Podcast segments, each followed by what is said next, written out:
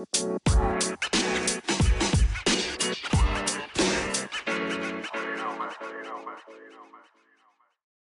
hey, super tof dat je luistert naar een nieuwe aflevering van de Positief met Pubers podcast. Mijn naam is Janneke en dagelijks beantwoord ik allerlei vragen via mail en DM van ouders die struggelen met dingen in de opvoeding van hun puber. Ik beantwoord deze vragen en in de podcast behandel ik elke aflevering een vraag met jou. Ik geef je mijn visie en ik neem je mee in mijn dagelijks leven. Mocht je dat nog niet gedaan hebben, abonneer je dan op deze podcast, zodat je geen aflevering meer mist. En als je deze podcast tof vindt, geef het dan zoveel mogelijk sterren of een positieve review. Hoe meer positieve reviews, hoe meer platforms als Spotify en Apple Podcasts deze podcast gaan aanbevelen aan andere ouders die deze podcast nog niet kennen. Daardoor kan ik groeien met deze podcast. Maar wat ik nog belangrijker vind, daardoor kan ik nog meer ouders bereiken die met soortgelijke struggles zitten als dat jij misschien zit. Je zou me enorm plezier mee doen. Dus dank je wel alvast. En nu gaan we gauw beginnen. Hi en welkom weer bij een nieuwe Positief met aflevering. En vandaag denk ik weer een, een hele herkenbaar, tenminste voor mij was deze vraag heel herkenbaar, omdat ik, nou ja, misschien op een ander gebied, maar ook zo met mijn eigen struggles zit in de opvoeding van mijn kinderen. En, en ik denk dat jij dat ook wel herkent op jouw gebied.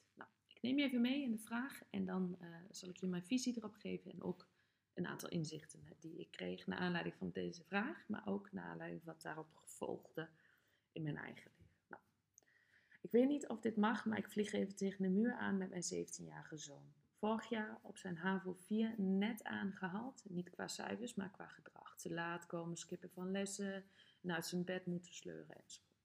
Hij wilde ruimte en vrijheid voor dit nieuwe jaar en de zomervakantie heeft hij echt zijn best gedaan. Hard werken en altijd keurig op tijd thuis. Nu is school weer begonnen en daar begint de ellende weer.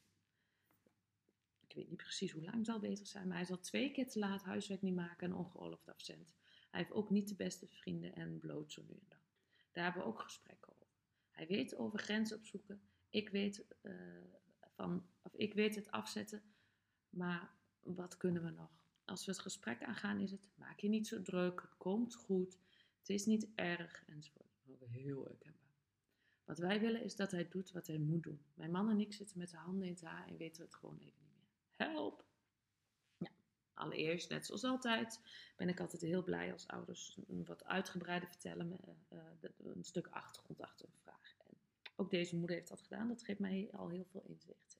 Natuurlijk niet alles, maar op basis van wat ze nu schrijft, heb ik haar gereageerd en dat uh, zal ik heel uitgebreid even met je bespreken. Allereerst, wat ik al, waar ik al mee begon, ik kan me heel goed voorstellen dat je op, soms in de opvoeding aanloopt tegen dingen die, eh, ja, waarbij je niet goed weet wat je moet doen. En enerzijds in deze situatie is dat nou ja, een zoon van 17 vrijheid geven, en anderzijds is het kort houden omdat je weet of niet goed weet eigenlijk wat hij doet met die vrijheid. Wat je ook kiest, weet je, dat is voor mij om het even. Bedenk voor jezelf vanuit welke intentie je dat doet. Dus um, als je het dan hebt over uh, het, het, het, loslaten van het schoolgedeelte bijvoorbeeld, bedenk voor jezelf, waarom doe ik dit? Waarom ga ik hem loslaten? Dus is dat vanuit een positieve of een negatieve intentie? Dus geloof je in hem dat hij het kan, dat hij fouten mag maken, dat hij mag leren en dat hij, wil leren omgaan met die verantwoordelijkheid, ondanks, of los van wat de uitkomst is, of hij dan slaagt of niet, of dat hij geschorst wordt of niet, los daarvan. Of heb je een negatieve intentie bij het loslaten van school? Wil je heel graag die controle houden? Heb je angst voor nou, schorsen of escalatie of wat dan ook? Of uh, de gedachte, hij moet dit toch kunnen, hij is toch al 17. Dus bedenk voor jezelf, oké, waarom heb ik deze gedachte? Waarom wil ik hem aan de ene kant die vrijheid geven en wil ik hem aan de andere kant die controle houden? Wanneer je dat voor jezelf weet, weet je dus ook of je vanuit tekortgedachte of vanuit een... Uh, een overvloedsgedachte uh, uh, je acties handelt. En die intentie moet duidelijk zijn. Want wanneer je het vanuit een overvloed, een positieve gedachte, intentie doet, zul je krijgen en zul je zien dat je een ander resultaat krijgt dan wanneer je het vanuit gedachte, een tekortgedachte doet, een, negatieve intentie doet. Want dan krijg je, je, je krijgt altijd wat je kan verwachten. En verwacht jij dat hij zich inderdaad redt, dat het wel lukt en dat, dat het niet zo erg is en dat het goed komt? Of verwacht je, of heb je een angst dat het niet goed kan en dat het alleen maar ellende wordt. En dat. Dus die intentie is heel erg belangrijk, want dat is waar ik heel erg in geloof. De wet van aantrekking zegt, je krijgt wat je kan verwachten. Je krijgt niet wat je wil, maar je krijgt wat je verwacht. Of wat je kan verwachten. Dus die is heel belangrijk. En wanneer, want dat is dan wat ik ook hoor in dit gesprek. Wanneer je in gesprek, met hem en hij zegt van God dat je je niet zo druk moet maken. Vraag hem dan op die momenten, wat heb jij nodig? Welke ondersteuning heb jij nodig? En daar tegenover is het dan belangrijk dat je afspraken gaat maken over, oké, nou ik wil jou dat vertrouwen geven, want ik denk je bent 17. Ik denk dat de stap nu is dat jij die, dat vertrouwen waar kan maken. Uh, maar de andere kant is wel, wat gaan we afspreken als je even toch die ondersteuning nodig hebt? Of wat gaan we afspreken als je drie keer ongeoorloofd afwezig bent? Of heel concreet maken wanneer jij gaat ingrijpen. En ten opzichte van school is dat dus, uh, wat is het ergste dat kan gebeuren? Dat die zakt? Maar ja, gezien de houding en, van je zoon en het nog niet volwassen, richting volwassen zijn, het skippen van lessen, spijbelen, weet je, dat is wel iets wat bij pubers past natuurlijk. Mm, veel pubers. Kijk even voor jezelf daarin wat, wat, wat het ergste is. En maak daar dan afspraken over. En ten opzichte van het gedrag, waar liggen jullie grenzen uh, van acceptatie? Dus wat is super irritant, maar acceptabel gedrag en wat accepteer je echt niet? Accepteer je bijvoorbeeld niet dat hij uh, te laat thuiskomt of spijbelt? Of uh, accepteer je niet dat hij, uh, dat hij het, zijn verantwoordelijkheid niet nakomt ten opzichte van school, dus zijn huiswerk niet maakt en met de bed erna gooit, met uit bed moeten sleuren? Nou ja, wat dat dan ook is, bepaal voor jezelf wat je acceptabel vindt en niet acceptabel vindt.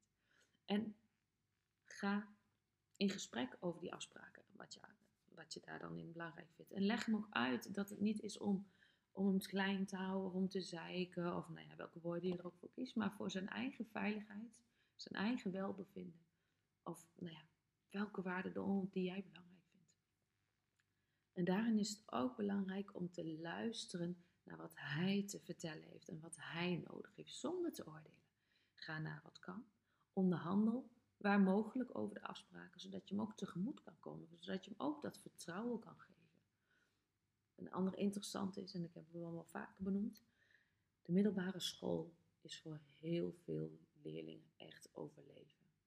Het is opgelegd, het moet en dat triggert heel veel pubers. En dat is wel interessant om mee te nemen. En dat kun je ook meenemen in je gesprek. Van, oké, weet, lieve schat, het is het laatste jaar Ga er nog even voor. Daarna kun je gaan studeren in de richting die jij wil. Of een tussenjaar nemen. Nou ja, wat hij dan ook wil en wat jullie dan ook afspreken. Het is maar een heel kort jaar voor jou. Dus focus je even daarop. En daarna kun je een richting kiezen. Naar jouw keuze. En dan is het veel minder een, een struggle om naar school te gaan. Om die lessen te volgen. En misschien ook dan nog wel. Maar dat is dan voor later reactie van deze moeder is, uh, ik ga het nog tien keer nalezen, zeker. Uh, ik mocht de vraag meenemen bij de podcast. En ergens weet ze ook wel dat het goed gaat komen. Maar je gaat, je gaat soms zo twijfelen, zegt ze. Is het goed? Doen we het wel goed? Enzovoort, enzovoort. Nou, dit is het meest interessante. Want dit soort gedachten heb ik ook heel vaak van. Doe ik het wel goed? Doen wij het wel goed? Uh, moeten we andere richting op? En wat het voor mij dan interessant maakt is, oké, en, en misschien moet een beetje context aan. Ik luisterde namelijk, omdat ik zelf ook tussen haakjes vastliep, uh, luisterde ik weer een aantal podcasts uh, van iemand die ik al heel lang volgde, Ema van mijn mentoren. En um, zij vertelde in de podcast van dat je vastloopt, dat mensen dat vaak zeggen, of dat je het even niet meer weet. En dan is het ook heel belangrijk om te vertellen en om bij jezelf na te gaan. Oké, maar helpen deze gedachten mij? Helpt het mij dat ik tegen mezelf zeg, ik loop vast? Of helpt het mij van dat, ik, dat je vanuit opvoeding gaat denken, oké, ik maak me zorgen?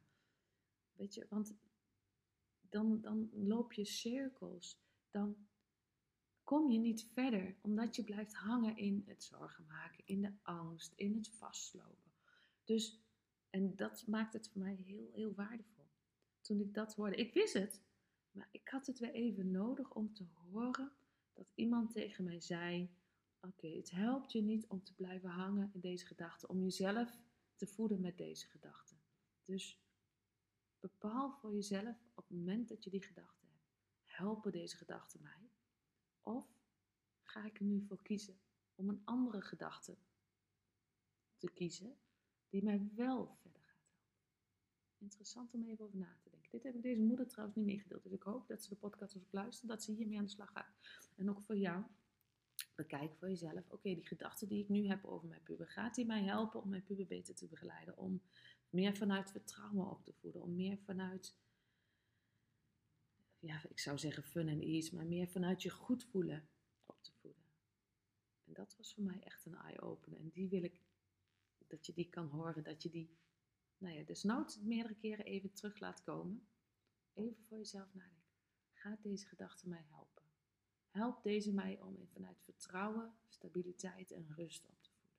Dat is wat je graag wilt, toch? Oké, dankjewel. Dat was hem voor vandaag. Ik hoop dat deze aflevering je weer inzicht heeft gegeven. Mocht je willen reageren of een suggestie hebben voor de podcast, kan dat natuurlijk. Zoek me dan even op via Insta. En gaan we lekker volgen. Stuur me een DM. We kunnen lekker connecten met elkaar. Daar hou ik van. Wanneer je deze podcast waardevol vond, rank hem dan in Spotify of in uh, Apple Podcast. Of deel hem op je social media kanaal. Of überhaupt iemand die je wat aan van heeft. Of waarvan je denkt, oh deze, iemand, die persoon kan hier wat mee. Samen kunnen we namelijk het leven van andere ouders en dat van andere pubers wat positiever maken. Dankjewel voor het luisteren en heel graag tot de volgende keer.